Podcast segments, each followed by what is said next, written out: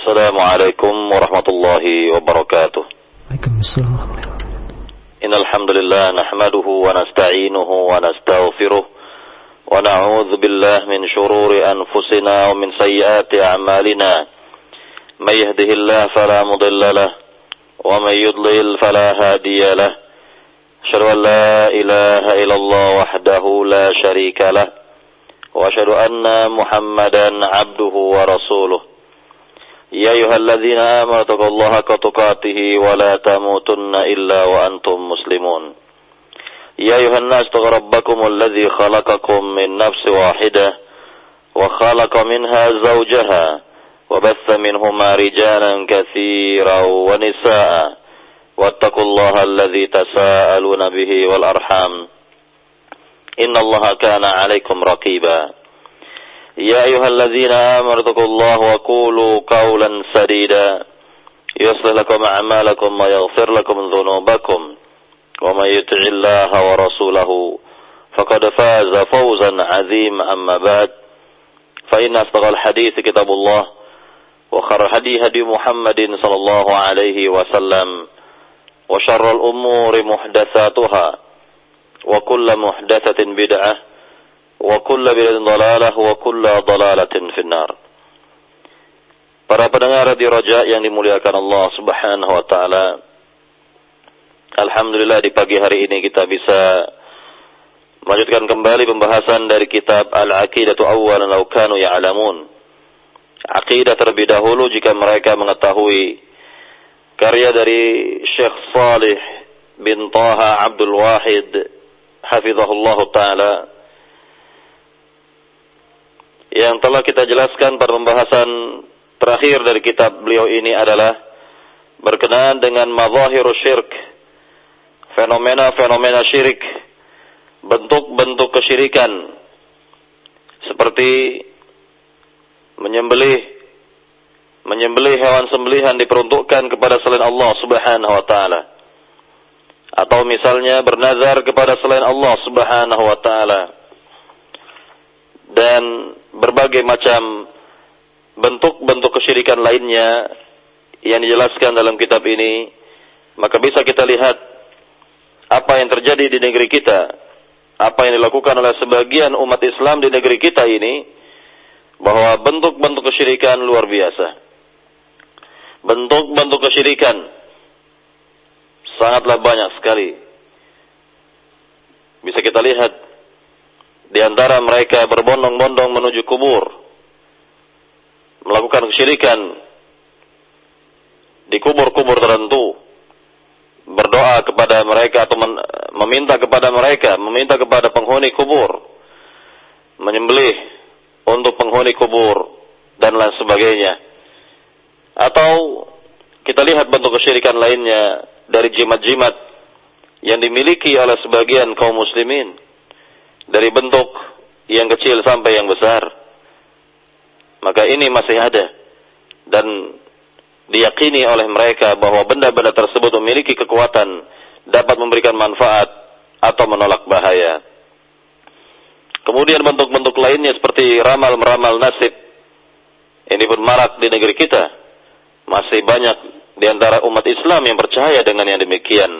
Ramal-meramal nasib atau meyakini ada hari-hari yang baik, ada hari-hari yang dianggap sial dan lain sebagainya. Dan tentunya masih banyak lagi bentuk-bentuk kesyirikan yang bisa kita lihat di negeri kita ini. Maka sebenarnya negeri ini adalah negeri yang sangat membutuhkan tauhid.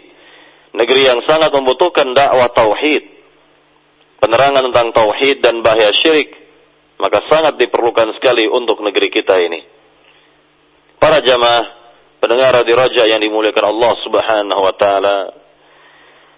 Kita lanjutkan pembahasan di pagi hari ini dari kitab eh, Al-Aqidatu Awwalan Law Kanu Ya'lamun.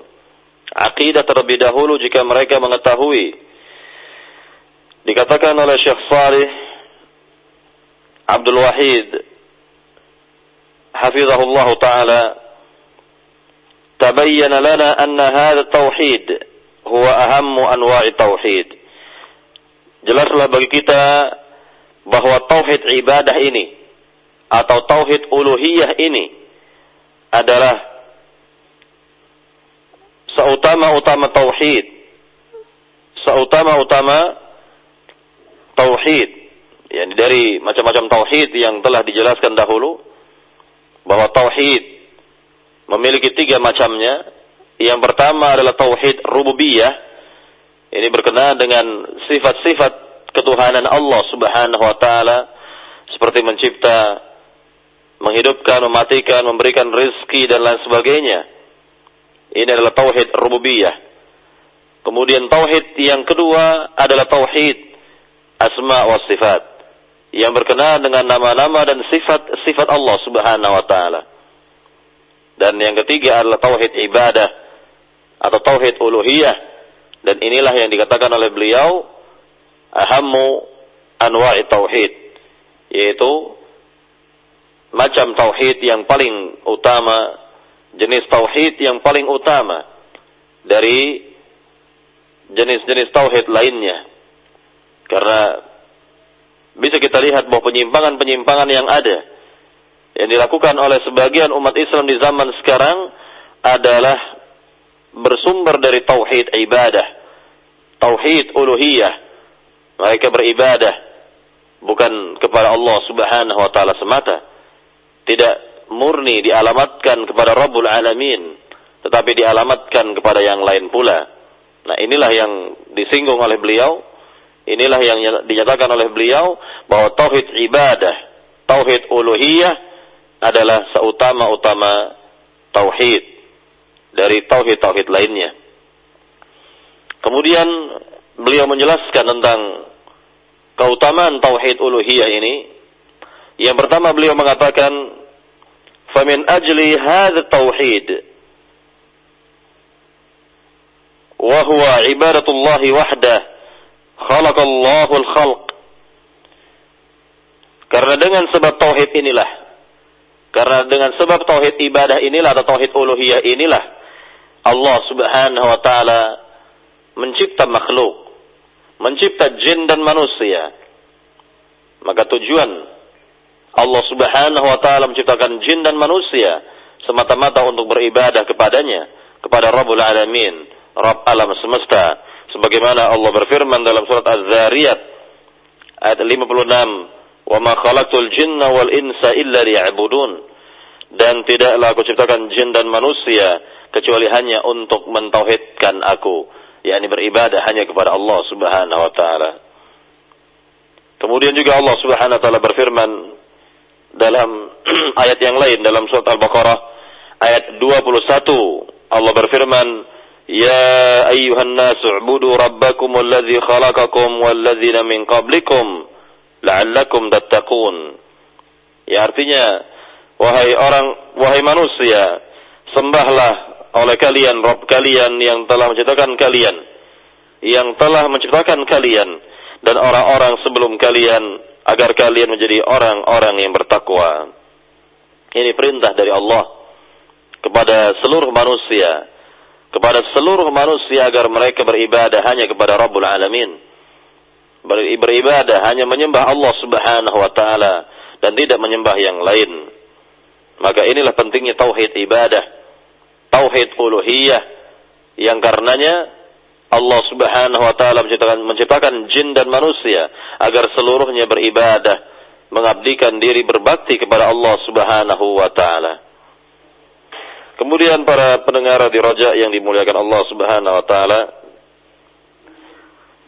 Yang kedua, Syekh Abdul Wahid menjelaskan tentang pentingnya tauhid uluhiyah. Min ajli hadzal tauhid arsalallahu rusul. Karena sebab tauhid inilah Allah Subhanahu wa taala utus para rasul. Allah Subhanahu wa taala utus para rasul Mulai Rasul yang pertama Nuh alaihissalam sampai Rasul yang terakhir Muhammad sallallahu alaihi wasallam agar mereka semua menjelaskan tauhid kepada umat, kepada manusia. Allah berfirman dalam surat An-Nahl ayat 36. Walaqad ba'atsna fi kulli ummatin rasulan an i'budu Allah wajtanibu at-taghut. Allah wa minhum man haqqat 'alaihi ad-dhalalah. Fasiru fil ardh fanzuru kaifa kana aqibatul mukadzibin. Ya artinya dan sungguh kami telah mengutus pada setiap umat seorang rasul di mana seorang rasul ini memerintahkan umatnya apa? Ani'budullaha. Hendaknya kalian semua menyembah Allah wajtanibu taghut dan menjauhi taghut yakni penyembahan selain kepada Allah Subhanahu wa taala. Maka Allah katakan, maka di antara mereka ada yang diberi hidayah oleh Allah Subhanahu wa taala, yakni dilapangkan dadanya untuk menerima dakwah tauhid, dakwahnya para nabi, para rasul ini menyembah Allah Subhanahu wa taala. Dan kebalikannya wa minhum man haqqat alaihi dhalalah dan di antara mereka ada yang disatkan oleh Allah Subhanahu wa taala, yang tidak mau menerima dakwah Rasul, tidak mau menerima dakwah seorang nabi, tidak mau beribadah kepada Allah Subhanahu wa taala. Yang sebenarnya Allah lah yang berhak untuk disembah, yang berhak untuk diibadahi. Maka Allah perintahkan kepada kita semua fasiru fil ar. yakni lihatlah di permukaan bumi ini fanzuru. Maka lihatlah semuanya ya yakni berjalanlah di permukaan bumi dan lihatlah kaifa kana akibatul mukadzibin bagaimana akibat buruk bagi orang-orang yang mendustakan ajaran para rasul akibat buruk bagi orang-orang bagi mereka yang mendustakan ajaran para nabi ini perintah dari Rabbul Alamin agar kita melihat yakni pelajaran berharga dari apa yang Allah berikan kepada umat-umat terdahulu di mana mereka e, membangkang ajaran para nabi, di mana mereka menolak ajaran para rasul, maka lihatlah yakni dalam kehidupan dunia ini apa yang telah Allah e, perbuat atas diri mereka dan Allah sisakan atau Allah Subhanahu wa taala tunjukkan kebesarannya seperti kaum yang telah menolak ajaran para rasul tersebut maka bisa kita lihat sampai detik ini sampai sekarang ini peninggalan peninggalan mereka atau negeri-negeri mereka yang dihancurkan oleh Allah Subhanahu wa taala. Maka lihatlah misalnya negerinya kaum Lut, negeri kaum e, dari Nabi Lut alaihi salam di mana negeri mereka negeri yang e, baik kemudian e, Allah Subhanahu wa taala e, tenggelamkan atau Allah Subhanahu wa taala hancurkan negeri tersebut dan Allah jadikan negeri yang paling rendah. Atau kita lihat lagi yakni yang berkaitan dengan kaum uh, Samud, kaum Ad, ya, dan lain sebagainya di mana mereka dihancurkan oleh Allah Subhanahu wa taala namun peninggalan-peninggalannya masih ada, masih bisa masih kita saksikan atau bisa kita saksikan di zaman kita sekarang ini dan ini adalah tanda dari kebesaran Allah Subhanahu wa taala dan Allah berikan hukuman kepada mereka lantaran mereka tidak mau beribadah kepada Allah, mereka mendustakan ajaran para rasul, mereka mengabaikan ajakan para rasul, sehingga inilah akibat yang buruk. Maka Allah katakan fasiru fil ardi, berjalanlah kalian di muka bumi ini, fanzuru, maka lihatlah. Yakni lihatlah apa yang terjadi di permukaan bumi ini dari negeri-negeri uh, yakni yang dimiliki oleh kaum-kaum terdahulu yang dibinasakan, dihancurkan oleh Allah Subhanahu wa taala. Kaifa kana akibatul mukadzibin? Bagaimanakah akibat buruk yang menimpa orang-orang yang mendustakan ajaran para rasul, ajaran para nabi tersebut? Para pendengar di Raja yang dimuliakan Allah Subhanahu wa taala, inilah yang kita lihat dari diutusnya para nabi para rasul agar mereka menyampaikan risalah tauhid kepada umat manusia, menyampaikan risalah tauhid yang mulia ini mulai dari Rasul yang pertama yang telah kita jelaskan dahulu. Rasul yang pertama Nuh alaihi salam. Bagaimana beliau mendakwakan dakwah tauhid selama kurang lebih 950 tahun. Bisa kita bayangkan, bisa para jamaah bayangkan dakwah tauhidnya 950 tahun. Ya, 10 abad kurang 50 tahun. Maka inilah uh, perhatian yang besar dari Nabi yang mulia Nuh alaihissalam sebagai Rasul yang pertama yang Allah utus ke dunia ini. Nuh alaihissalam. Kemudian kita lihat lagi bagaimana perjuangan dari dakwah tauhidnya Nabi yang mulia Ibrahim alaihissalam di mana beliau mendakwahkan keluarganya, mendakwahkan orang tuanya, mendakwahkan masyarakatnya, bahkan mendakwahkan penguasa yang ada di zamannya itu agar mereka semua mau bertauhid kepada Allah Subhanahu wa taala. Kemudian kita lihat lagi apa yang e, dilakukan oleh Nabi yang mulia dalam mendakwahkan tauhid, menyebarkan risalah tauhid. Itu Nabi yang mulia Musa alaihissalam menghadapi Bani Israel, menghadapi Fir'aun, menghadapi bangsa Mesir, bangsa Qibti, agar mereka semua mau beribadah kepada Allah Subhanahu wa taala. Ya akhirnya Nabi Musa sendiri terusir dari negeri Mesir.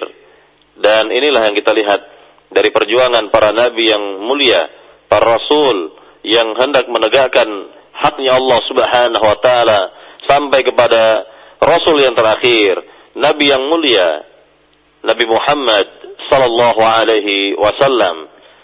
Beliau mendakwakan tauhid dengan uh, yakni ikhlas. Beliau mendakwakan tauhid dengan kemampuan beliau mengarahkan segenap tenaganya, pikirannya dan lain sebagainya untuk mendakwahkan dakwah tauhid di negeri kelahiran beliau, negeri Mekah sampai akhirnya beliau terusir dari kampung halamannya dan tetap beliau mendakwakan tauhid di negeri Madinah sampai kepada akhir kehidupan beliau sallallahu alaihi wasallam. Bahkan di akhir-akhir kehidupan Nabi Muhammad sallallahu alaihi wasallam sabda yang keluar dari lisan beliau yang mulia adalah tentang tauhid. Di antaranya adalah Nabi bersabda dalam hadis yang sahih kata Nabi yang mulia sallallahu alaihi wasallam la'anallahu al-yahuda wan nasara ittakhadhu kubur anbiya'ihim masajid. Semoga Allah melaknat orang-orang Yahudi dan Nasrani di mana mereka menjadikan kuburan para nabi sebagai tempat ibadah. Nah, inilah sabda Nabi yang mulia sallallahu alaihi wasallam yang berisikan tentang tauhid. Ya, tentang tauhid. Maka uh, inilah perjuangan para rasul seluruhnya. Semoga Allah Subhanahu wa taala yakni uh, tempatkan mereka di tempat yang baik dan tentunya semoga eh, Eh, mereka-mereka uh, yang mengikuti ajaran para nabi, ajaran para rasul ini mendapatkan uh, kebaikan di sisi Allah Subhanahu wa taala. Para jamaah, para pendengar di rojak yang dimuliakan Allah Subhanahu wa taala. Kita lihat yang berikutnya lagi tentang pentingnya tauhid uluhiyah atau tauhid ibadah. Syekh Abdul Wahid Syekh Fali Abdul Wahid mengatakan min ajli hadz tauhid anzalallahu الله الكتب Faqala ta'ala, alif lam ra. Kitabun uhkimat ayatuh. Thumma fusilat min ladun hakimin khabir. Alla ta'budu illallah. Innani lakum minhu nadhiru wa. Ini terdapat dalam surat Hud. Ayat yang pertama sampai yang kedua. Sekali lagi bahwa beliau mengatakan bahwa eh, dengan tauhid uluhiyah atau dasar tauhid uluhiyah atau tauhid ibadah inilah Allah Subhanahu wa taala turunkan kitab-kitab. Allah turunkan kitab-kitab suci kepada umat manusia. Maka yang kita lihat seperti kitab-kitab suci yang telah kita ketahui adalah Al-Qur'an Al-Karim, kemudian Injil, Taurat, Zabur. Ya, inilah kitab-kitab suci yang telah Allah turunkan kepada para nabinya kepada para rasulnya yang mulia alaihi wassalatu wassalam agar e, menjelaskan e, bagaimana beribadah kepada Allah, bagaimana perintah untuk beribadah kepada Allah Subhanahu wa taala, penegasan untuk beribadah kepada Allah Subhanahu wa taala. Karena pada dasarnya apa yang ada dalam kitab suci tersebut yakni di antaranya adalah e, pertapan bahwa tidak ada ilah yang berhak disembah dengan benar kecuali Allah Subhanahu wa taala. Tidak ada ilah yang berhak diibadahi dengan benar kecuali Rabbul Alamin, Allah Subhanahu wa taala. Maka berdasarkan ayat yang mulia ini Allah Subhanahu wa taala eh, terangkan bahwa tidaklah atau tidaklah dibenarkan untuk beribadah kecuali kepada Allah Subhanahu wa taala semata innani lakum nadhiru innani lakum minhu nadhiru wa bashir. Sungguhnya aku adalah sebagai uh, pembawa berita peringatan dan uh, pembawa berita atau kabar gembira kepada kalian seluruhnya. Nah inilah keterangan dari Rabbul Alamin Allah Subhanahu wa taala uh, yang menjelaskan tentang uh, kitab-kitab suci yang diturunkan oleh Allah kepada para rasulnya kepada para nabinya sebagai pedoman hidup bagi umat manusia dan terlebih nabi akhir zaman Muhammad sallallahu alaihi wasallam yang diberikan kitab suci yaitu berupa Al-Qur'an yang merupakan mukjizat terbesar beliau alaihi salatu wassalam dan tentunya Al-Qur'an sebagai pedoman hidup bagi uh, kaum muslimin bagi orang-orang yang beriman. Maka hendaknya uh, memperhatikan apa yang ada dalam Al-Qur'an Al-Karim. Apa yang ada dalam Alkitab yaitu Al-Qur'an Al-Karim kemudian yang berikutnya lagi tentang keutamaan dan pentingnya uh, tauhid uluhiyah atau tauhid ibadah. Syekh Salih Abdul Wahid mengatakan, "Min ajli hadha tauhid tabarra al-mu'min min al-kafir." Dengan sebab tauhid uluhiyah ini, dengan sebab tauhid ibadah inilah orang yang beriman berlepas diri dari orang yang kafir yakni memiliki sikap yang jelas dalam kehidupannya, memiliki sikap yang jelas dalam kehidupannya, yaitu berlepas diri dari perbuatan syirik mereka dan berlepas diri dari orang-orang yang berbuat syirik kepada Allah Subhanahu wa taala. Dan ini bisa kita lihat uh, yakni bukti nyata tentang sikap yang benar ini dari kehidupan nabi yang mulia, Nabi Ibrahim alaihi salam yang bisa kita lihat dalam surat Al-Mumtahanah. Dalam surat Al-Mumtahanah ayat 4 Allah Subhanahu wa taala berfirman tentang sikap Nabi Ibrahim alaihissalam dan orang-orang yang beriman bersamanya.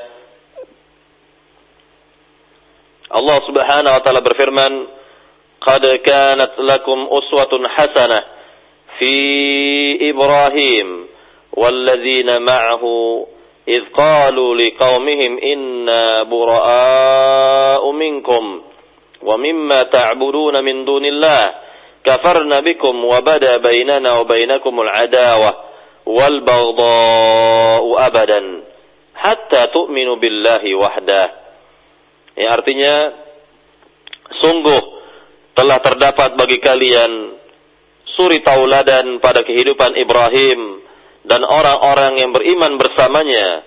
Ingatlah ketika mereka berkata kepada kaumnya, Sungguhnya kami berlepas diri dari kalian, dan kami berlepas diri dari apa yang kalian sembah selain dari Allah. Kami mengingkari apa yang kalian lakukan, dan sungguh telah jelas permusuhan antara kami dengan kalian untuk selamanya hingga kalian beriman kepada Allah semata. Hingga kalian beriman kepada Allah semata.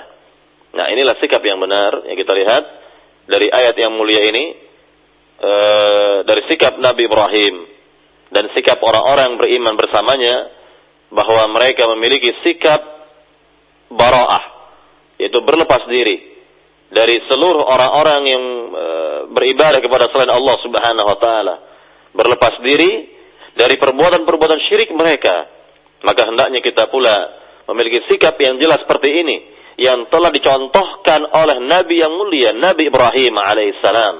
Hendaknya kita berlepas diri pula dari seluruh perbuatan-perbuatan syirik, berlepas diri pula dari orang-orang yang berbuat syirik kepada Allah Subhanahu wa taala dan sebaliknya kita berikan sikap loyalitas kita kepada orang-orang yang beribadah hanya kepada Allah.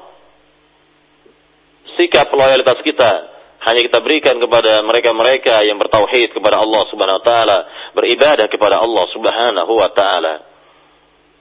Para pendengar di Raja yang dimuliakan Allah Subhanahu wa taala, eh, inilah yang kita lihat dari ayat yang mulia tentang sikap orang yang beriman yaitu berlepas diri dari orang yang kafir, yang yang ingkar, yang berbuat syirik kepada Allah Subhanahu wa taala. Kemudian kita lihat lagi tentang keutamaan dan pentingnya tauhid uluhiyah atau tauhid ibadah lainnya. Syekh Saleh Abdul Wahid mengatakan di sini, "Min ajli hadzal tauhid qamatil hurub bainal mu'minin wal kafirin." Karena sebab tauhid uluhiyah inilah, karena sebab tauhid ibadah inilah tegaknya atau terjadinya peperangan antara orang-orang yang beriman melawan orang-orang kafirin Antara orang-orang yang beriman melawan ya, musuh mereka yaitu orang-orang kafirin. Allah Subhanahu wa taala berfirman berkenaan dengan hal ini Qatilul ladzina la yu'minuna billahi wala bil yaumil akhir ولا يحرمون ما حرم الله ورسوله ولا يدينون دين الحق من الذين أوتوا الكتاب حتى يعطوا الجزية عن يد وهم صاغرون dalam surat At-Taubah ayat 29 kita bisa melihat ayat yang mulia ini. Dan ayat yang mulia ini adalah sebagai perintah Allah Subhanahu wa taala kepada nabi dan para sahabatnya ketika itu untuk memerangi orang-orang yang tidak beriman kepada Allah, tidak beriman kepada negeri akhirat, di mana mereka tidak mengharamkan apa yang telah diharamkan oleh Allah dan Rasulnya, dan tidak yakni beragama sebagaimana agama yang hak, agama Islam ini dari kalangan ahli kitab, dari kalangan orang-orang Yahudi dan Nasrani. Maka perintah Allah sekali lagi, qatilul ladzina la yu'minuna billahi wa la bil yaumil akhir. Perangilah orang-orang yang tidak beriman kepada Allah dan tidak beriman kepada negeri akhirat wala yuharrimuna ma harramallahu wa rasuluh dan mereka tidak mengharamkan apa yang telah diharamkan oleh Allah dan Rasulnya wala yadinuna dinal haq dan tidaklah pula mereka beragama dengan agama yang hak agama yang benar itu agama Islam minalladzina utul kitab yaitu dari kalangan orang-orang yang diberikan Alkitab yaitu dari kalangan Yahudi dan Nasrani hatta yu'tul jizyah hingga mereka memberikan al jizyah yakni upeti mengeluarkan upeti ayyadi wahum saghirun dan mereka dalam keadaan yang hina. Nah, inilah perintah dari Allah Rabbul Alamin agar e, tegak e, perintah Rabbul Alamin ini yakni perang atau jihad melawan orang-orang yang tidak beriman kepada Allah, yang berbuat syirik kepada Allah Subhanahu wa taala dan tentunya tujuan dari ditegakkannya jihad ini adalah li'ila'i kalimatillah untuk meninggikan kalimat Allah, memuliakan kalimat Allah Subhanahu wa taala, yaitu kalimat tauhid. Para pendengar di Raja yang dimulakan Allah Subhanahu wa taala, kita lihat di zaman Nabi yang mulia sallallahu alaihi wasallam misalnya, pada saat Nabi yang mulia berada di negeri Madinah dan memiliki kekuatan maka perintah ini berlaku kepada Nabi dan para sahabatnya agar mereka memerangi orang-orang yang mensekutukan Allah, memerangi orang-orang yang berbuat syirik kepada Allah Subhanahu wa taala agar permukaan bumi ini e, bersih dari unsur-unsur kesyirikan, agar jazirah e, Arab ketika itu bersih dari syiar-syiar agama paganisme, agar mereka e, kembali kepada agama yang benar agar mereka kembali beribadah hanya kepada Allah Subhanahu wa taala dan jika mereka masih tetap berada pada keyakinannya dari kalangan ahli kitab ini mereka tidak mau menerima dakwah tauhid mereka tidak mau menerima dakwah Islam yang baik ini maka mereka diperanankan berada pada agamanya. Namun mereka haruslah membayar upeti tanda tunduknya mereka kepada penguasa Islam kepada Rasulullah wasallam dan tentunya eh, hak-hak mereka dijamin oleh penguasa Islam, dijamin oleh Nabi yang mulia sallallahu alaihi wasallam dan inilah tanda kehinaan mereka di hadapan eh, orang-orang uh, yang beriman bahwa mereka menjadi orang-orang yang hina karena mereka sendiri menghinakan dirinya yaitu dengan cara beribadah kepada selain Allah Subhanahu wa taala. Maka barang siapa beribadah ya, beribadah kepada selain Allah sudah pasti ya, orang itu menjadi hina dan kehinaan tersebut jelas e, nampak sekali dan mereka beribadah kepada selain Rabbul Alamin. Beribadahnya bukan kepada pemilik langit dan bumi. Beribadahnya kepada selain pemilik langit dan bumi dan, dan alam semesta ini. Dan ini suatu kehinaan yang nyata. Dan tentunya kemuliaan itu hanya ada pada orang-orang yang beriman kepada atau bagi mereka-mereka yang bertauhid kepada Allah Subhanahu wa taala. Karena mereka mengetahui bahwa alam semesta ini uh, Allah lah yang menciptanya, Allah lah yang memilikinya, maka berhaklah Allah untuk diibadahi, adapun selainnya tidaklah berhak untuk disembah. Kemudian kita lihat lagi dalil yang lainnya yang menjelaskan hal ini pula dalam surat Al-Anfal dalam surat Al-Anfal ayat 39 di mana Allah Subhanahu wa taala berfirman, "Wa qatiluhum hatta la takuna fitnah wa yakuna ad-din kulluhu lillah." Dan perangilah mereka. Perangilah mereka hingga tidak ada fitnah dalam kehidupan ini yakni syirik. Ya, fitnah di sini makna syirik dan agar agama ini tegak agar tahu dikatakan wa yakuna ad-din kulluhu lillah agar agama ini semuanya adalah milik Allah Subhanahu wa taala. Agama Islam ini, agama yang mulia ini adalah milik Allah Subhanahu wa taala.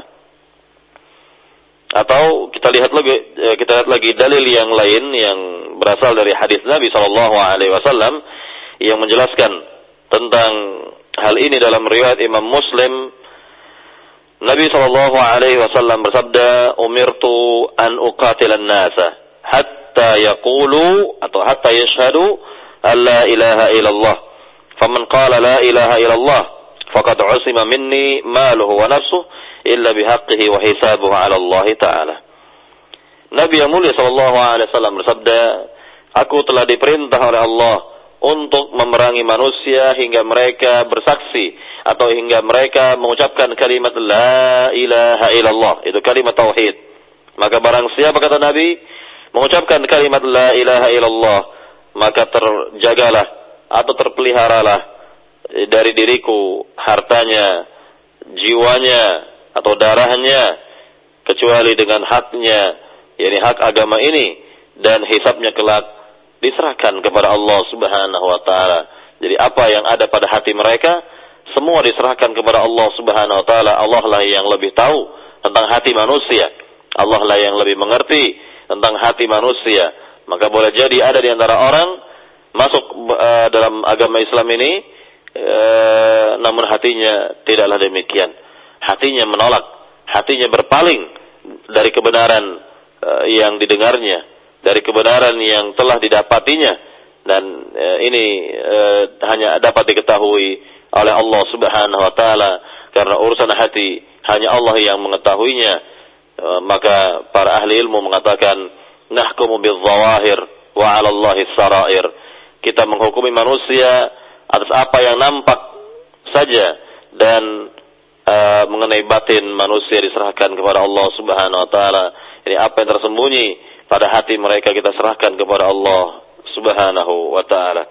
Inilah sabda Nabi yang mulia yang menunjukkan tentang perintah dari Allah bahwa Nabi diperintahkan oleh Allah Subhanahu wa taala untuk memerangi orang-orang yang berbuat syirik kepada Allah Subhanahu wa taala agar permukaan bumi ini bersih dari perbuatan-perbuatan syirik.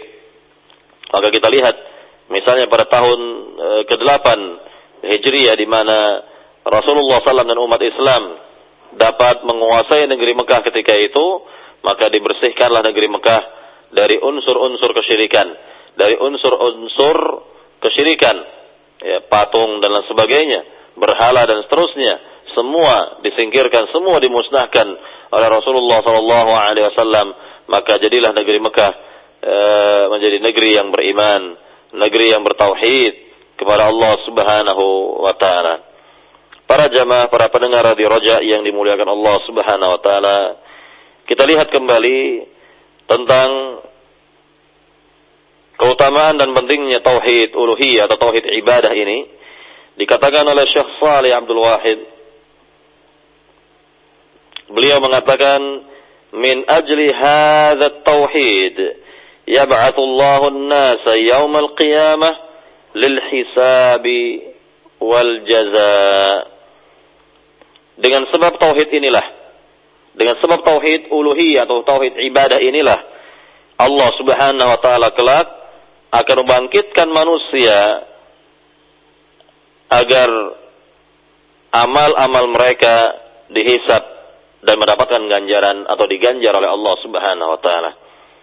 Jadi berdasarkan uh, ayat yang mulia yang terdapat yang terdapat dalam surat An-Najm ayat 31 Allah Subhanahu wa taala tentu akan mengganjar setiap perbuatan manusia baik atau buruknya pasti akan mendapatkan ganjaran dan balasan yang setimpal dari Allah Subhanahu wa taala.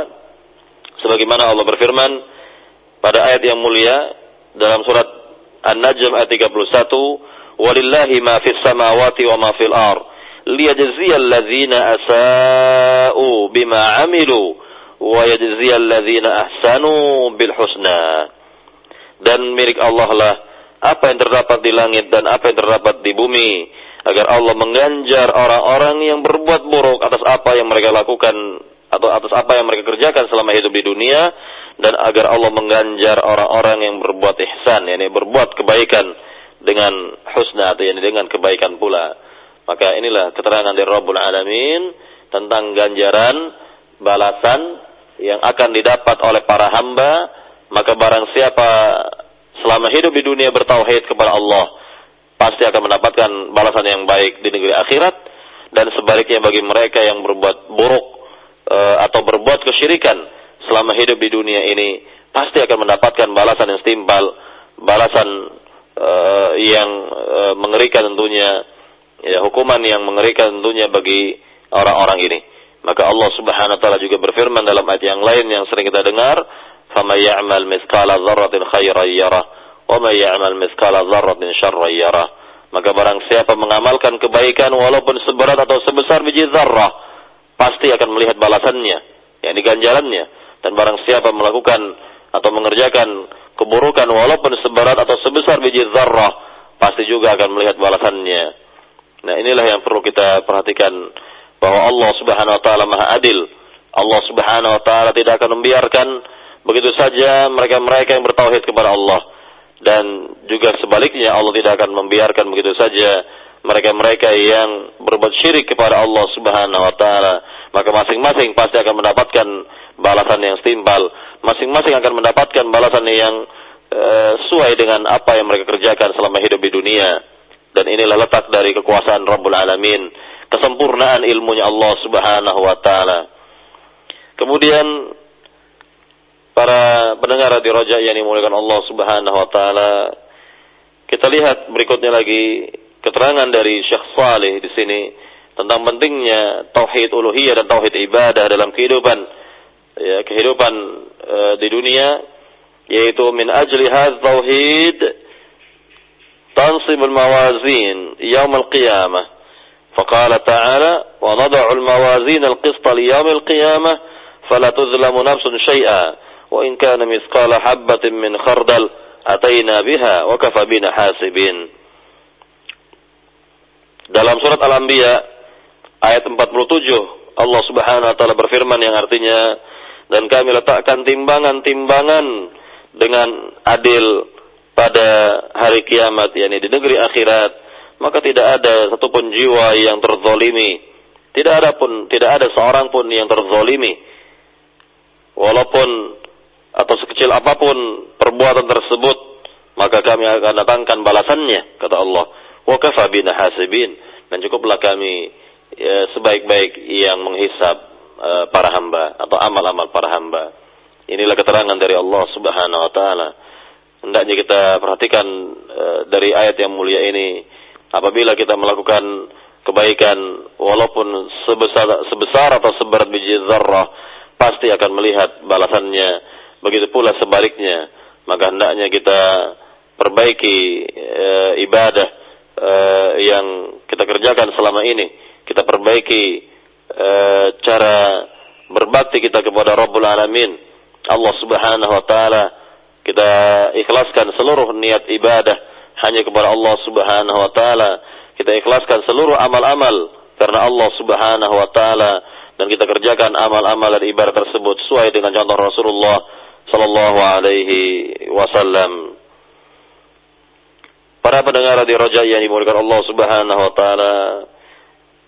Di dalam ayat yang lain berkenaan dengan hal ini, masih berkenaan dengan ditimbangnya atau dihisapnya amal-amal eh, manusia dan diberi ganjaran oleh Allah Subhanahu wa taala atau diletakkan ya pada timbangan-timbangan Allah Subhanahu wa taala berfirman dalam surat Al-Mu'minun ayat 102 dan 103 Allah Subhanahu wa taala berfirman faman thaqulat mawazinuh humul muflihun wa man khaffat mawazinuh faulaika alladziina khasiru anfusahum fi jahannam khalidun. Ya artinya maka barang siapa timbangan kebaikannya lebih berat, maka mereka tergolong orang-orang yang beruntung. Dan barang siapa timbangan kebaikannya itu ringan kata Allah, maka mereka tergolong yakni orang-orang yang rugi dan mereka akan mendapatkan neraka jahanam kekal di dalamnya untuk selama-lamanya. Nah, inilah yang kita lihat ya, dan tentunya Allah Subhanahu wa taala Maha Adil. Allah Subhanahu wa taala memberikan kebaikan-kebaikan e, ganjaran dan pahala bagi mereka yang bertauhid kepada Allah, melandasi amal-amal ibadah semuanya ikhlas karena Allah Subhanahu wa taala dengan keikhlasan hanya kepadanya. Kemudian kebalikannya Allah Subhanahu taala akan menghukum siapa saja yang berbuat syirik kepadanya. Allah Subhanahu wa taala akan meletakkan semuanya itu dengan seadil-adilnya berkenaan dengan timbangan atau alwaz yakni timbangan berkenaan dengan timbangan di negeri akhirat akan diletakkan oleh Allah Subhanahu wa taala dan tentunya akan menimbang Eh, amal-amal manusia akan menimbang lembaran-lembaran catatan dari perbuatan-perbuatan manusia dan sekaligus akan menimbang yakni berat tubuh manusia kelak di negeri akhirat. Jadi inilah yang kita lihat dan hendaknya kita perhatikan sekali lagi tauhid kita, perhatikan sekali lagi ibadah kita yang hendaknya semata-mata dialamatkan kepada Rabbul Alamin Allah Subhanahu wa taala yang telah memberikan berbagai macam nikmat kepada diri kita, yang telah mencipta, menciptakan kita, yang telah memberikan berbagai fasilitas hidup di dunia ini untuk kemudahan-kemudahan kita semua, maka hendaknya kita jadikan Allah Allah Subhanahu wa taala sebagai satu-satunya ilah yang berhak disembah dengan benar. Adapun yang lainnya tidak boleh disembah. Dan inilah yang kita lihat dari keterangan dari Syekh Saleh eh, Abdul Wahid tentang pentingnya tauhid uluhiyah, tauhid ibadah. Para pendengar di Roja yang dimuliakan Allah Subhanahu wa taala, saya kira ini adalah pembahasan di pagi hari ini dan uh, secukupkan sampai di sini. Uh, jika ada pertanyaan berkenaan dengan materi di pagi hari ini dipersilahkan dan saya kembalikan semuanya ini kepada pembawa acara di studio. Ya, nanti sekarang jazakallah khairan kepada Ustaz dan demikian ikhwatal iman rahimakumullah pendengar Radio Raja di mana pun Anda berada sesi materi yang disampaikan oleh Ustaz Arman Amri Alsi hafizallahu taala dari uh, pembahasan kitab Al-Aqidatu Awalan Law Kana Ya'lamun akidah terlebih dahulu apa jika mereka mengetahui yang merupakan uh, kitab yang ditulis oleh Syekh Soleh Abdul Wahid Hafizullah Ta'ala. Mudah-mudahan apa yang kita simak bersama bermanfaat bagi kita semua. Dan selanjutnya akan kami buka sesi tanya jawab bagi anda semua yang ingin bertanya langsung silakan anda bisa menghubungi kami di line telepon di 0218236543 dan untuk kesempatan pertama uh, kita angkat dari line telepon. Ya halo Ya, terputus. Mohon maaf, Ustaz. Ya, uh, selanjutnya uh, sambil kita menunggu di telepon akan kita angkat pertanyaan yang sudah masuk melalui pesan singkat. Ya Ustaz, uh, ada pertanyaan dari penanya kita yang sangat mendasar sekali. Ustadz, apa yang dimaksud dengan dakwah tauhid dan bagaimana caranya Ustadz? Silahkan. Yang dimaksud dengan dakwah tauhid adalah mengajak manusia untuk beribadah hanya kepada Allah semata. Kemudian mencegah mereka dari ibadah-ibadah yang dialamatkan kepada selain Allah Subhanahu wa taala. Sebagaimana yang dilakukan oleh para nabi, para rasul terdahulu, mulai dari rasul yang pertama sebagai nabi yang mulia Nuh alaihissalam sampai rasul yang terakhir Muhammad sallallahu alaihi wasallam tugas mereka adalah mengajak manusia, mengajak umat untuk beribadah hanya kepada Allah. Mengesahkan Allah dalam seluruh ibadah, memurnikan ya, seluruh ibadah hanya kepadanya, mengikhlaskan seluruh ibadah hanya kepadanya. Nah inilah yang menjadi uh, tanggung jawab besar dari para nabi, para rasul, mengajak manusia untuk beribadah kepada Rabb yang telah menciptakannya yang telah memberikan nikmat kepadanya Allah Subhanahu wa taala. Dan kalau dikatakan atau ditanyakan bagaimana caranya, ya caranya yang dilakukan oleh para nabi, para rasul. Semua cara dakwah mereka itu diridhai oleh Allah Subhanahu wa taala. Cara dakwahnya para nabi, para rasul itulah yang diridhai, dikehendaki oleh Allah Subhanahu wa taala. Jadi inilah yang kita lihat ya tentang cara dakwah para nabi, para rasul seperti yang kita lihat dalam sejarah kehidupan Nabi Muhammad dan para sahabat misalnya mereka atau Nabi dan para sahabat e, mendakwakan dakwah tauhid e, dengan cara-cara yang hikmah, dengan cara-cara yang baik sekali. Sehingga Allah Subhanahu wa taala berfirman dalam ayat yang mulia, "Ud'u ila sabili rabbik bil hikmah wal mau'izatil hasanah wajadilhum billati hiya ahsan." Yakni serulah manusia kepada agama Allah ini itu tauhid dengan cara yang e, hikmah ya kemudian mau'izah atau wejangan yang baik dan jidal dengan cara yang yang baik atau debat dengan cara yang yang baik. Ya, maka yang perlu kita lihat cara-cara dakwahnya Rasulullah SAW dan para sahabat dan tentunya inilah yang perlu kita contoh dalam kehidupan sekarang ini mendakwahkan manusia kepada tauhid dengan cara yang hikmah cara yang baik ya dengan nasihat yang benar dan juga boleh dengan jidal atau debat ya, dengan cara yang terbaik.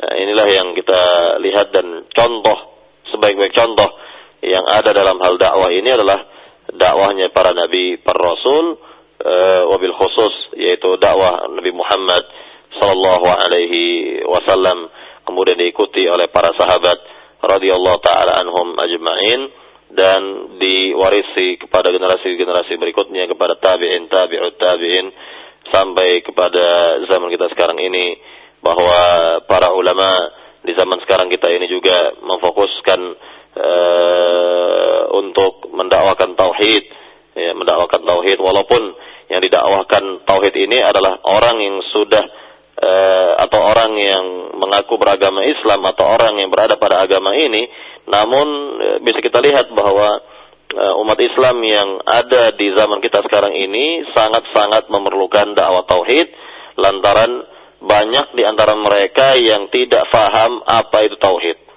Banyak pula di antara mereka yang belum mengerti apa makna yang sebenarnya dari la ilaha illallah. Apa kandungannya, apa konsekuensi jika mengucapkan kalimat la ilaha illallah. Nah, ini sebagai bukti bahwa dakwah tauhid di zaman kita sekarang ini sangat diperlukan ya lebih-lebih untuk negeri kita ini. Ya, dan sekali lagi inilah uh, keterangan atau jawaban tentang uh, atau dari pertanyaan tadi. Allah taala Ya, baik. Terima kasih banyak Ustaz atas jawabannya dan selanjutnya kami akan coba kembali untuk mengangkat pertanyaan di line telepon di 0218236543 dan sudah ada Ibu Ela yang berada di Cikampek. Silakan Ibu Ela.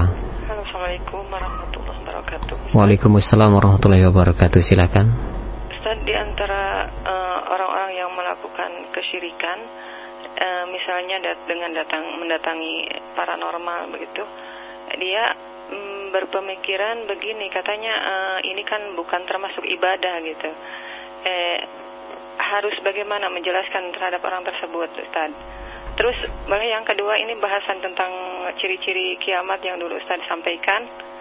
Apabila seorang pengajar berhenti mengajar karena dia tahu setelah memahami manhaj ini uh, ter ternyata yang apa yang diajarkan dulu ternyata aja, mengajarkan hal-hal yang tidak sesuai dengan dengan sunnah gitu Ustaz hmm, seperti mengajarkan anak-anak tentang bagaimana sholat bacaan-bacaan sholat yang tidak ternyata tidak sesuai dengan apa-apa yang dicontohkan oleh Rasulullah SAW.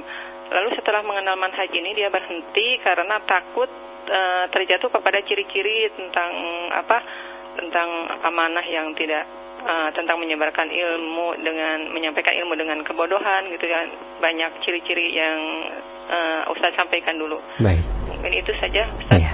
Jazakallah khairan. Assalamualaikum warahmatullahi wabarakatuh. Waalaikumsalam warahmatullahi wabarakatuh. Ya, silakan Ustaz. Ya, mengenai syubhat sebagian orang yang mendatangi paranormal atau dukun atau yang semisalnya bertanya kepada mereka mengenai perkara-perkara gaib yang katanya atau syubhatnya adalah bahwa ini bukan bagian dari ibadah, maka kita jawab Pertama, ini adalah syubhat yang datang dari uh, yani orang-orang yang suka uh, yakni menyimpang jalannya dari jalan yang benar. Ya. Kemudian yang kedua, bahwa perkara-perkara gaib hanya Allah Subhanahu wa taala yang mengetahui. Semua perkara gaib ya, hanya Allah Subhanahu wa taala yang mengetahui. Tidak ada dari uh, makhluk yang mengetahui perkara gaib baik dari kalangan manusia, jin ataupun uh, malaikat misalnya, ya, pada dasarnya perkara gaib itu hanya diketahui oleh Allah Subhanahu wa taala. Maka apabila uh, di antara manusia mencoba untuk uh, meramal nasibnya misalnya mengetahui perkara gaib yang bakal terjadi melalui paranormal atau orang-orang yang semisal maka ini telah e, berseberangan dengan ketentuan Allah Subhanahu wa taala. Dan Rasulullah sallallahu alaihi wasallam telah mengancam dengan ancaman yang keras bagi mereka yang datang kepada dukun atau paranormal bertanya kepada mereka dan percaya dengan ucapan mereka Nabi bersabda dalam hadisnya yang sahih kata Nabi yang mulia sallallahu alaihi wasallam man ata arrafan aw kahinan fasaddaqahu bima yaqul faqad kafar bima unzila ala Muhammadin sallallahu alaihi wasallam.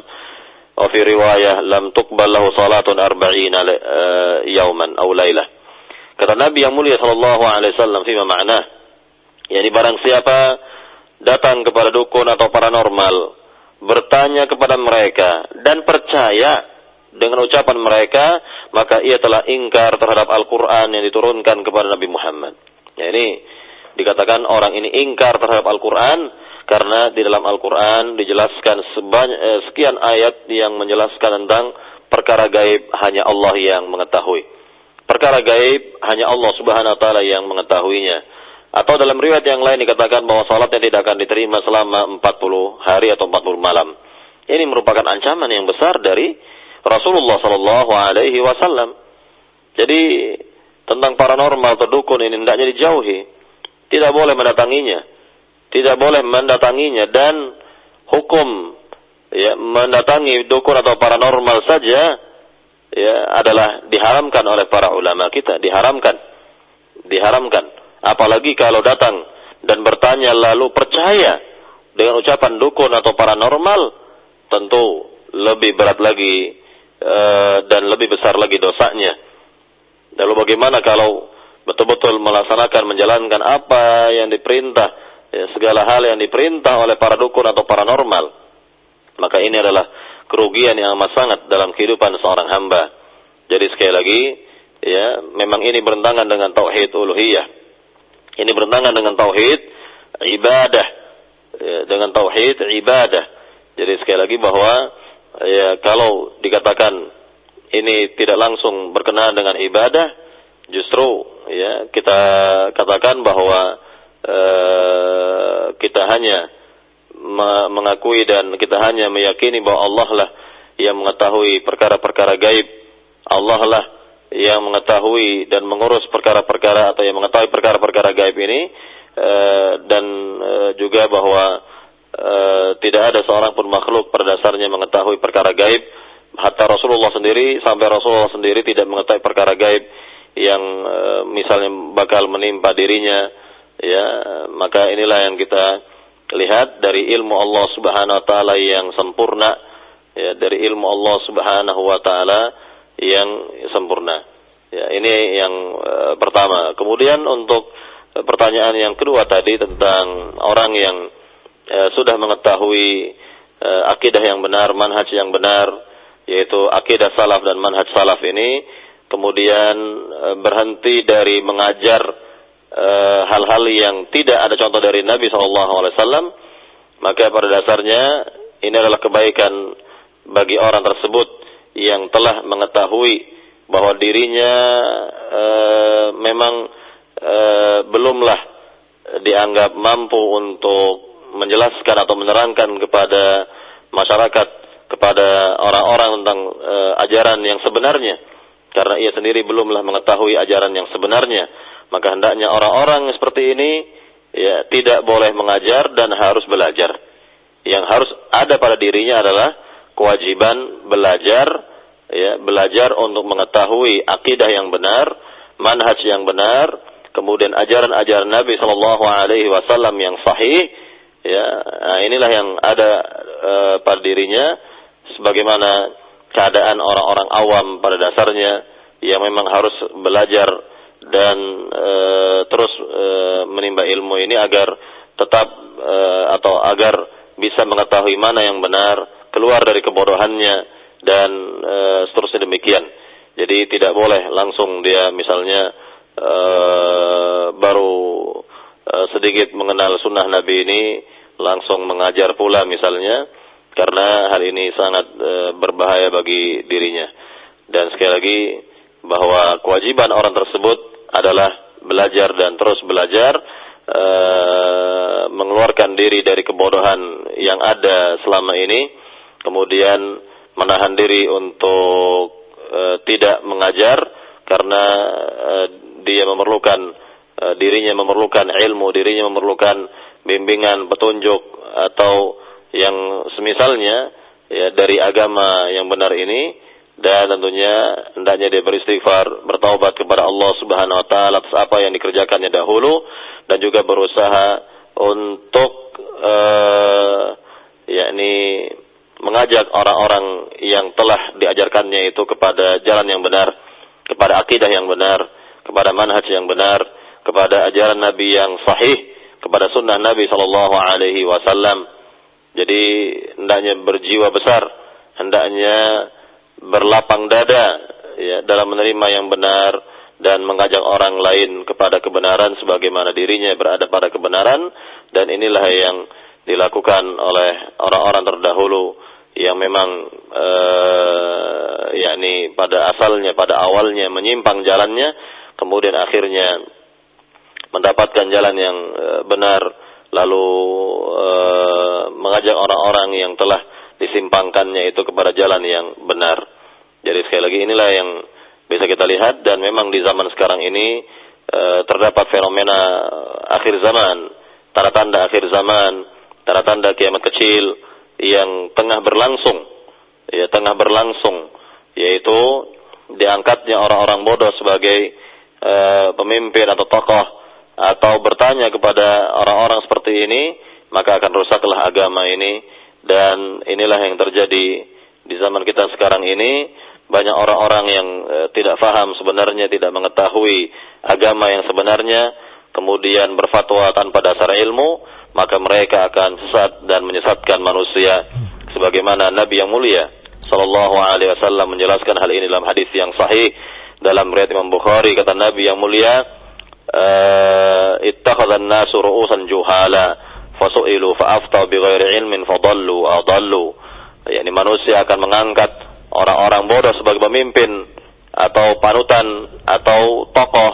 Kemudian e, pemimpin atau tokoh yang e, seperti ini ditanya lalu mereka berfatwa tanpa dasar ilmu maka Nabi katakan fadallu adallu. Maka mereka sesat dan menyesatkan orang lain. Nauzubillah nah inilah sekali lagi tanda atau fenomena akhir zaman tanda dari kiamat kecil yang sedang terjadi di zaman kita sekarang ini hendaknya kita semua mewaspadai ya eh, keadaan atau fenomena yang seperti ini dan berhati-hati uh, dari orang-orang yang dikatakan oleh Nabi sebagai ruwaibidah. Ini orang-orang yang kecil ilmunya atau sedikit ilmunya namun uh, sudah berani berfatwa dan lain sebagainya. Wallahu taala Baik, eh, terima kasih banyak Ustaz atas jawabannya dan demikian untuk Ibu Ela yang berada di Cikampek. Mudah-mudahan dapat difahami atas jawaban Ustaz.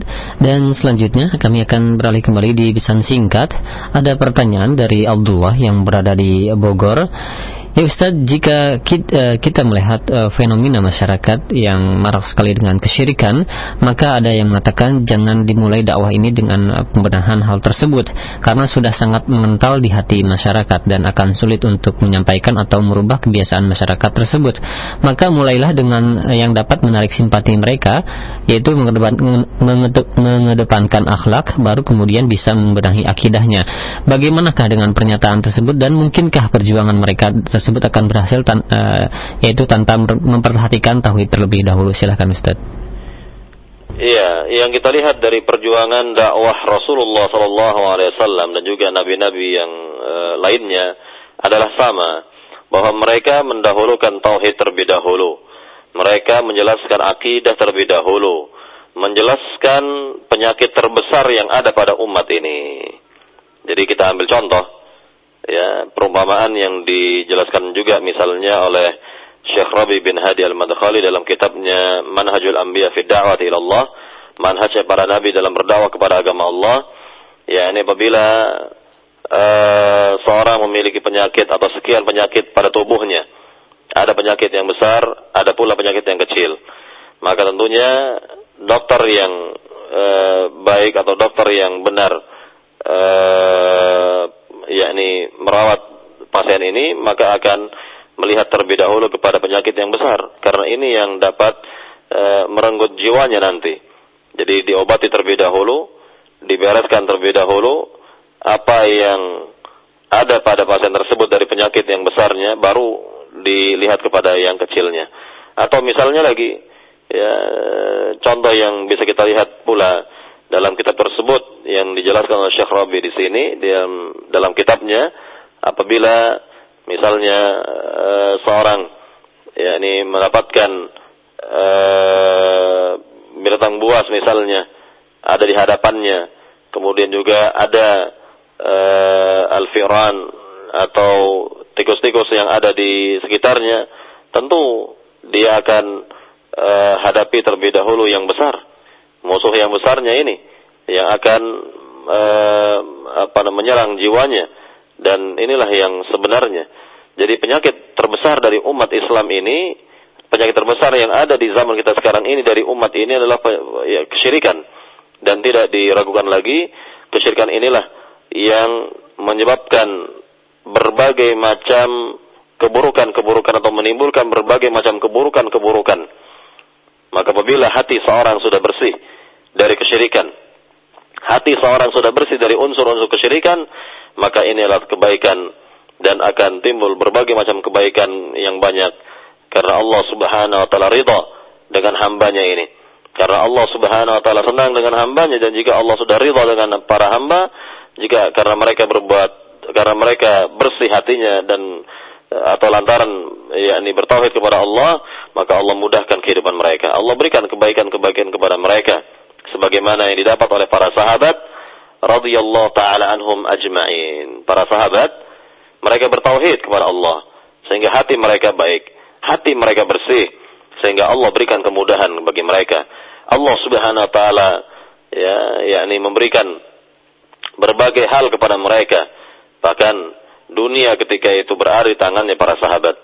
Dunia ketika itu berada di tangannya para sahabat. Nah inilah yang kita lihat bagaimana kebaikan yang luar biasa dari bertauhid kepada Allah Subhanahu wa taala yang Allah limpahkan kepada para hambanya yang bertauhid ini. Ya, lihatlah kehidupan para sahabat di mana dalam tempo yang cepat, dalam tempo cepat mereka dapat menguasai dunia, mereka dapat yakni mengalahkan kerajaan e, Persia dan juga mereka dapat merebut Baitul Maqdis dari kerajaan e, Romawi Timur ketika itu. Nah, inilah berkat bertauhid kepada Allah Subhanahu wa taala karena Allah ridha kepada mereka. Allah berikan apa saja yang mereka inginkan. Allah berikan atau Allah mudahkan bagi mereka semua urusan mereka ini. Nah, ini yang kita inginkan. Kebaikan-kebaikan dalam hidup, keberkahan dalam hidup sebagaimana yang diperoleh oleh para sahabat radhiyallahu taala anhum majma'in. Maka hendaknya umat Islam melihat kembali kepada kehidupan generasi pertama umat ini di mana mereka adalah sebaik-baik umat Islam Dikatakan mereka sebaik-baik umat Islam karena mereka semua bertauhid kepada Allah Subhanahu wa taala. Adapun generasi kita sekarang ini ya tentunya ada yang bertauhid, banyak yang berbuat syirik. Uh, yakni sedikit yang bertauhid kepada Allah dengan sebenar-benar tauhid, namun kebanyakan mereka berbuat syirik kepada Allah Subhanahu wa taala. Ya, ada kesyirikan yang mereka sadari, yang mereka ketahui, ada pula yang dan banyak yang tidak mereka ketahui atau mereka sadari. Nah inilah yang perlu dijelaskan di zaman kita sekarang ini ya tentang pentingnya tauhid dan bahaya syirik ya kepada kaum muslimin yang ada di negeri kita ini. Wallahu taala.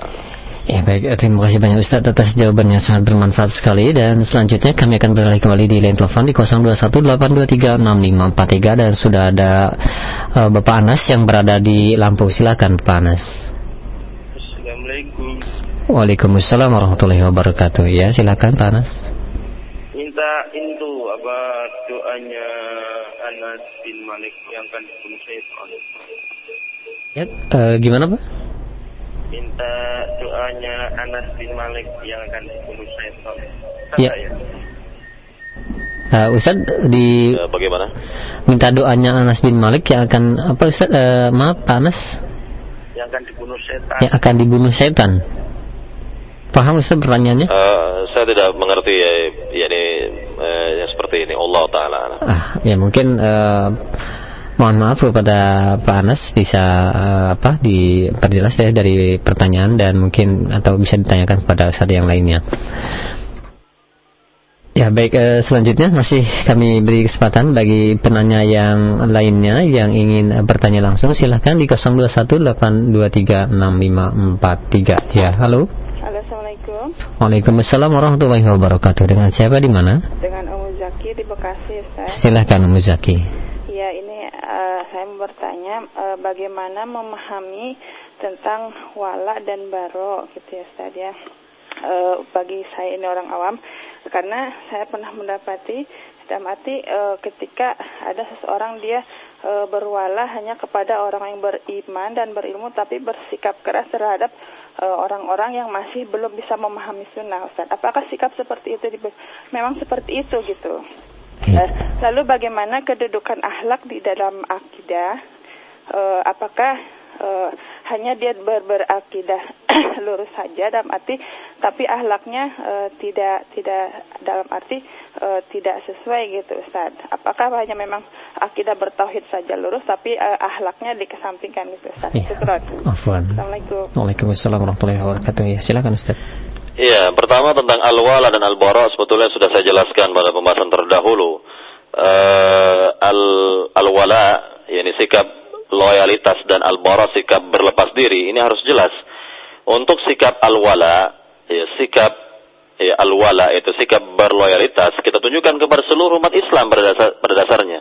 Kita tujukan, kita ya, arahkan kepada seluruh umat Islam itu pada dasarnya dan lebih khusus kepada memang lebih khusus kepada mereka-mereka yang eh, jelas tauhidnya, jelas akidahnya, jelas manhajnya. Kita lebih ya kita cinta, kita mencintai seluruh kaum muslimin, namun kita lebih mencintai mereka-mereka yang eh, yakni eh, bertauhid dengan tauhid yang benar, akidah dengan akidah yang benar, bermanhaj dengan manhaj yang benar dan hendaknya kita bersikap baik bersikap bijak terhadap orang-orang yang belum mengetahui sunnah ini, ya bersikap baik dan bijak terhadap orang-orang yang belum mengetahui akidah dan manhaj yang benar ini karena eh, mungkin karena mereka masih ada syubhat di benaknya atau betul-betul mereka awam dalam masalah ini tidak mengetahui apa akidah yang sebenarnya, apa manhaj yang sebenarnya dan bagaimana jalan yang sebenarnya dalam agama ini. Jadi kalau diibaratkan ya, ya seorang dokter menghadapi pasien. Kalau dokter menghadapi pasien dengan eh, sikap yang keras, sikap yang tidak baik, maka pasien ini akan lari dia. Akan lari, tidak akan pernah lagi ke dokter tersebut karena dia mengetahui bahwa dokter ini eh, tidak baik, perilakunya tidak baik, eh, adabnya dan sebagainya. Nah, inilah yang perlu difahami di sini bahwa kebanyakan umat eh, kita ini sebenarnya baik menurut orang-orang luar pun baik sebetulnya. Ya, akhlak atau eh, secara umum bahwa mereka memiliki sifat-sifat yang baik, tinggal kita arahkan dengan arahan yang baik, sikap yang bijaksana dan eh, berkenaan dengan pertanyaan yang kedua tadi ini masih eh, menyambung yaitu tentang akhlak yang baik juga diperlukan ya, dalam eh, dakwah ini. Dan sebenarnya ada hubungan yang sangat erat antara akidah yang benar dengan akhlak yang mulia. Antara akidah yang benar dengan akhlak yang mulia. Maka kita lihat Rasulullah Shallallahu Alaihi Wasallam memiliki akhlak yang terpuji. Dan akidah beliau adalah akidah yang terbaik. Maka Allah Subhanahu wa taala berfirman mengenai diri Nabi Muhammad sallallahu alaihi wasallam dalam surat Al-Ahzab ayat 21, "Laqad kana lakum fi Rasulillahi uswatun hasanah." Sungguh telah terdapat pada diri kalian sungguh telah terdapat untuk kalian pada diri Rasul uswatun hasanah, suri tauladan. Nah, inilah yang perlu kita fahami bahwa orang yang memiliki akidah yang benar, insya Allah akhlaknya baik. Tapi kalau seorang dikatakan uh, akhlaknya tidak baik, tentu ada suatu pada akidahnya. Ada suatu pada akidahnya atau mungkin saja belum memahami akidah dengan uh, benar atau uh, secara menyeluruh. Belumlah memahami akidah Islam ini secara menyeluruh sehingga akhlaknya pun ya masih kita katakan bolong-bolong istilahnya. Jadi dalam hal ini akidah yang benar membentuk akidah yang benar membentuk akhlak yang yang baik. Maka kita lihat para sahabat ya sebelum mereka e, beragama Islam mereka masih dalam keadaan musyrik ya maka lihatlah bagaimana kelakuan mereka yang e, yang tidak baik pada secara umum ya tidak baik. Namun setelah mereka masuk kepada agama Islam ini maka e, mereka menjadi orang-orang yang terbaik e, generasi yang terbaik bahkan generasi yang yang terbaik. Jadi sekali lagi akidah yang benar itu membentuk akhlak yang baik insya Allah taala. Jadi e, kalau kita lihat ada orang yang mungkin akhlaknya belumlah baik, e, masih kita lihat yakni akidahnya. E, boleh jadi dia masih e, memiliki e, pemahaman yang kurang baik dalam si akidah. Karena memang kedua-duanya ini sangat berkaitan erat. Ya antara akidah dengan akhlak ini sangat berkaitan erat dan e, sekali lagi bagi mereka yang memiliki akidah yang benar maka akan mendorong kepada akhlak yang yang terpuji atau membentuk akhlak yang terpuji maka inilah yang e, bisa saya sampaikan e, pada pagi hari ini pada kesempatan yang baik ini dan dengan menjawab pertanyaan yang terakhir ini mudah-mudahan pembahasan kita di pagi hari ini bermanfaat lebih kurangnya saya mohon maaf. Allah taala alam. Sanabina Muhammad walhamdulillah rabbil alamin. Subhanakallahumma bihamdika asyhadu la ilaha illa anta astaghfiruka wa atubu ilaik. Assalamualaikum warahmatullahi wabarakatuh.